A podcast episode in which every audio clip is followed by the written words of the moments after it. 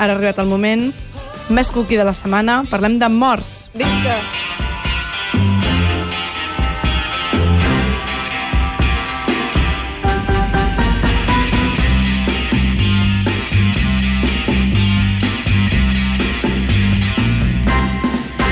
Dorm!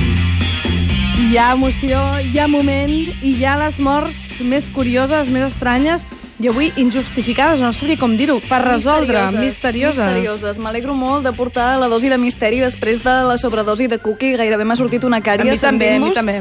Uh, així que bé, sí, avui morts reals, però que realment uh, amb la mitologia i el misteri que tenen al voltant s'han acabat convertint gairebé en novel·les de ficció per si soles. Així que comencem.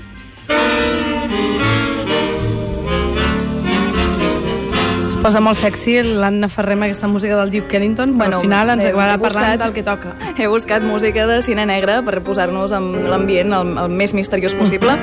I comencem amb el I cas aquesta és de... una història verídica, eh? Sí, sí, dues històries verídiques, però bueno, molta, molt de rotllo uh, al voltant.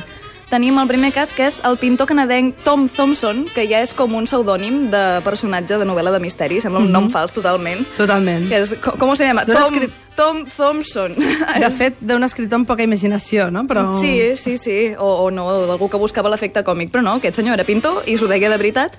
I res, aquest senyor va ser vist en vida l'última vegada el 8 de juliol del 1917, perquè se'n va anar a fer una excursió, se'n va anar a pescar amb una barqueta, i el següent que sabem és que el van trobar mort. Això I...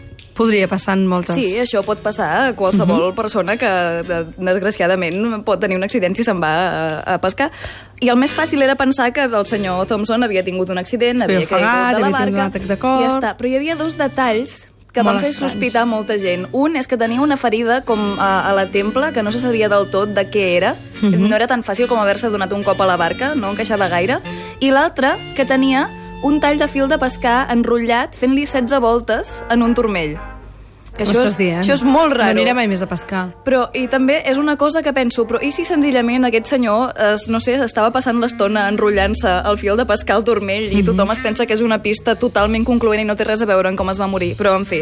No eh, sabrem mai. No li sabrem podem mai, preguntar. però puc explicar les hipòtesis que van sortir de- d'aquest fet, perquè van ser moltíssimes. Jo us O sigui, explico... hi ha gent que s'ha dedicat a, a, a donar-hi toms. S'han escrit llibres, articles, eh, estudis, s'han fet documentals. Què m'estàs dient? hi ha molt de, moltíssim al Tom voltant. Thompson, és un, de, és un dels casos més uh, que té com, com més llegenda urbana de la història del Mhm. Canadà recent. I bé, us explico les que tenen més sentit de totes, perquè n'hi ha moltíssimes. Una és això, es va donar un cop i va caure la, de la barca i ja està, mala sort. Però el cop era això, aquesta ferida no acabava de tenir sentit. Mhm. Però el fil de pescar, què? Com I el fil de pescar, què passa? La següent és, es va enganxar, el va enganxar un petit uh, i sobtat tornado, que és com molt improbable, però no per això impossible. Mhm. Hi ha gent, hi ha va, vari, diversos teòrics que han donat suport a la teoria del tornado, en plan Dorothy. M'ho trobo una Després- mica... imprudent. No, improbable, improbable. Però de, de, després, diu, hi ha qui diu que va ser un suïcidi i va fer en plan com les sabates de formigó que vam parlar aquell dia Ja, dels però això- ofegaments, que va, es va lligar el fil Hi ha coses per fer més senzilles, no? És molt més senzill de qualsevol altra manera. Sí. I finalment que va ser assassinat, perquè es veu que estava enemistat amb un parell de senyors que vivien a prop del llac on va anar a pescar i es veu que van veure la seva oportunitat. Van dir, bueno, t'estic veient, si passo amb la barqueta a prop teu... Primer et lligo 16 vegades al turmell Sí, eh, això fil. diuen, això, és que mai queda justificat el fil de pescar. Eh, és allò de, és, potser s'estaven barallant i amb tot el d'això tenien el fil de pescar i li va fer les voltes, era una manera d'immobil- d'immobilitzar-lo, però com immobilitzar-lo amb un sol turmell? No té sentit. Però, Tot és molt estrany. en fi, això és el tipus de cosa que en Sherlock Holmes t'ho aclareix de seguida. Exacte, per cert que l'altre dia vam parlar d'un eh, llibre, ai, perdó, d'un joc de taula que es diu Detective Assessor, eh? Ah, sí? del Sherlock Holmes i que justament serveix per això, per descobrir casos i que es veu que és un supervendes i que és xulíssim que aquest cap de setmana el presentaran al DAU aquest festival de taula de jocs de taula que hi ha a Barcelona. Ah, doncs el buscarem. Tots són bones notícies. M'interessa moltíssim. Anem a parlar d'una altra història que Mm. va ser també tan peculiar que al final va acabar sent còmic, novel·la, vaja, Bueno, mil va- coses. el van acabar referenciant, Sí, però sí, sí, sí. som-hi.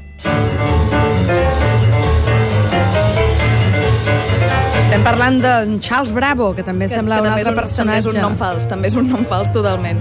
Uh, en Charles Bravo era un advocat britànic que va morir el 1876 i aquest senyor va ser enverinat amb antimoni. Què va passar? Que es va veure un got d'aigua on eh, ell no sospitava que hi hagués absolutament res, es va començar a trobar malament, va dir, oi, què em passa? Estic fatal. El van començar a visitar diversos especialistes i tots els especialistes van dir, nano, això és antimoni i no podem fer res per evitar la teva mort. Què va Però passar? qui el va enverinar? Espera, espera, no és només No? això, sinó que el senyor va trigar 3 dies a morir-se, Mhm. però va estar molt calmat i va estar evitant durant tots 3 dies dir qui podia ser que l'hagués enverinat. Era, no, no, jo no, jo ja, ja em moriré, ja no passa res, no, no li donem més voltes. Però clar, és molt difícil no donar-li més voltes a un cas on el senyor es nega a dir res més. Així que es va fer tan famosíssim el cas aquest que fins i tot l'Agatha Christie, com deies, en parla a la seva novel·la Inocencia Tràgica, que és de 1958, és de molt més endavant, però posa el cas aquest com a exemple de, de cas sense resoldre que persegueix els, els sospitosos durant tota la vida perquè mai s'arriba a saber del cert què, què ha passat. Perquè no podia ser que ell es volgués matar ell mateix. Ja, bueno, el suïcidi no s'ha donat com a possibilitat a les teories, uh les grans Boges, teories al perquè, clar, Si I... uns ho fan amb estricnina, per què no fer-ho amb mm. antimoni? I després, a part de l'Agatha Christie, també en van parlar l'Alan Moore i Lady Campbell a From Hell, des de l'infierno, mm -hmm. el còmic aquest tan i tan guai. Surten un momentet uh, en... com es diu aquest senyor? Charles Bravo. És que és tan, és, és, sembla tan improbable que un senyor es digui així, que em costa molt recordar-me'n. En Charles Bravo i la seva dona Florence. La Florence. I aquí comencem amb la Florence. El Florence La és... Florence sempre, sempre quan es mor algú, la culpa és del marit o de la dona, no? Mm, No, bueno, espera, és, és que hi ha, hi ha molta història aquí a la família Bravo. La Florence Bravo feia quatre mesos que estava casada amb en Charles Bravo i es veu que tenien una relació molt i molt turbulenta. Per dir, això, ah, et posaré una mica de bateria per de, això hi ha molta gent que sospita que va ser ella. Però després, què tenim? Que la Florence Bravo havia estat casada abans. Amb qui? Amb un senyor que feia antimoni. Amb un no. senyor que es deia... Era un doctor, era un doctor, James Gully, que es veu que o, o va tenir una atac de gelosia o hi havia altres assumptes tèrbols amb el senyor Bravo que no acaba d'entendre ningú. Va dir, ja està, nyaca. Perquè en senyor Bravo era molt guapo. Uh, bueno, sí, tenia el seu rotllo, per què no? I aquest, aquest el del doctor James Gully, és el que li semblava més probable a l'Agatha Christie. Si ho diu l'Agatha Christie, jo m'enfio bastant, encara I que és el que a mi tant. em sembla que fluixeja una mica més. I sembla mentida que a l'Agatha Christie li sembli més probable en James Gully perquè la següent sospitosa és la minyona. Sempre hi ha una minyona aquí donar-li la culpa. La minyona és la Miss Cox, que hauria estat sospitant que en Bravo la volia acomiadar i no s'ho podia permetre i en comptes d'intentar solucionar les coses o buscar-se una altra feina, va dir, no, no, eh, verí, verí Això és una mica ser escrit un crimen, eh? Sí, O sigui, aquesta, sí, aquesta sí. em sembla opció ser escrit un crimen. I jo, el meu preferit és l'últim, que és uh, el gir d'esdeveniments final, que és que hi ha qui creu que va ser el mateix Charles Bravo qui es va prendre l'antimoni, però no per suïcidi, sinó per accident, perquè en realitat era ell que volia enverinar la Florence i de fet ja ho havia estat fent durant un temps perquè es veu que la Florence no es trobava gaire bé, com li anava posant dosis petites i un dia es va errar no només de dosi sinó de got i, i ja està, i, i mala sort, senyor Bravo, però és que no és només que sigui un gir d'esdeveniments i molt dramàtic, sinó és que m'agrada molt la idea que el senyor Bravo es negués a dir qui havia estat perquè havia estat ell i que estigués tan Li tranquil. sabia com greu, no? No, i que estigués tan tranquil com... Uh, bueno, no, no ha passat res, com fent... Uh, traient palla... Ai, traient, palla, traient ferro, no traient Sí. palla, no es treu palla l'assumpte, es treu ferro. Traient ferro l'assumpte... Jo no, jo enverinat, no. Jo estic perfectament... No, això no ha sigut... No, jo no he sigut, no ha sigut error de ningú. Eh, Exacte, no ha sigut la Florence, ha, sigut estat jo. Un, ha estat un accident i, i què hi farem? M'encanta morir-me en 5 dies. Mhm. Coses que passen, històries que us explica cada setmana l'Anna Ferrer, amb aquesta secció tan xula, on ens morim tots una mica cada setmana, però de manera intel·ligent i interessant. I ha arribat el moment de donar el premi. Ai, mare el de premi Déu. més esperat de la setmana. Baixem una mica la música, perquè aquesta música és una mica de matament.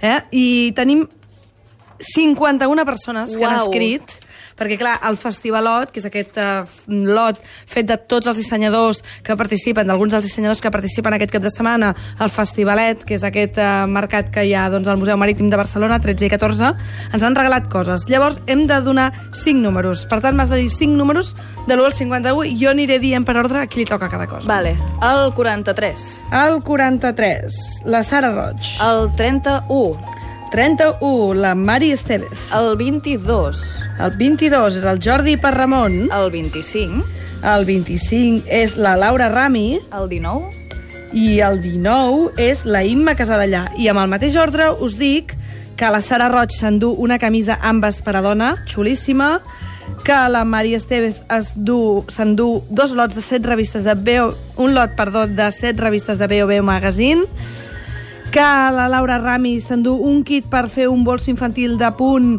i funda de mòbil de la gent Palila, i que el Jordi Parramon s'endú un llibre per fer amirugumis gegants de la Lala Toys i que es diu Amirugumi XXL i un collaret de Siwa Song.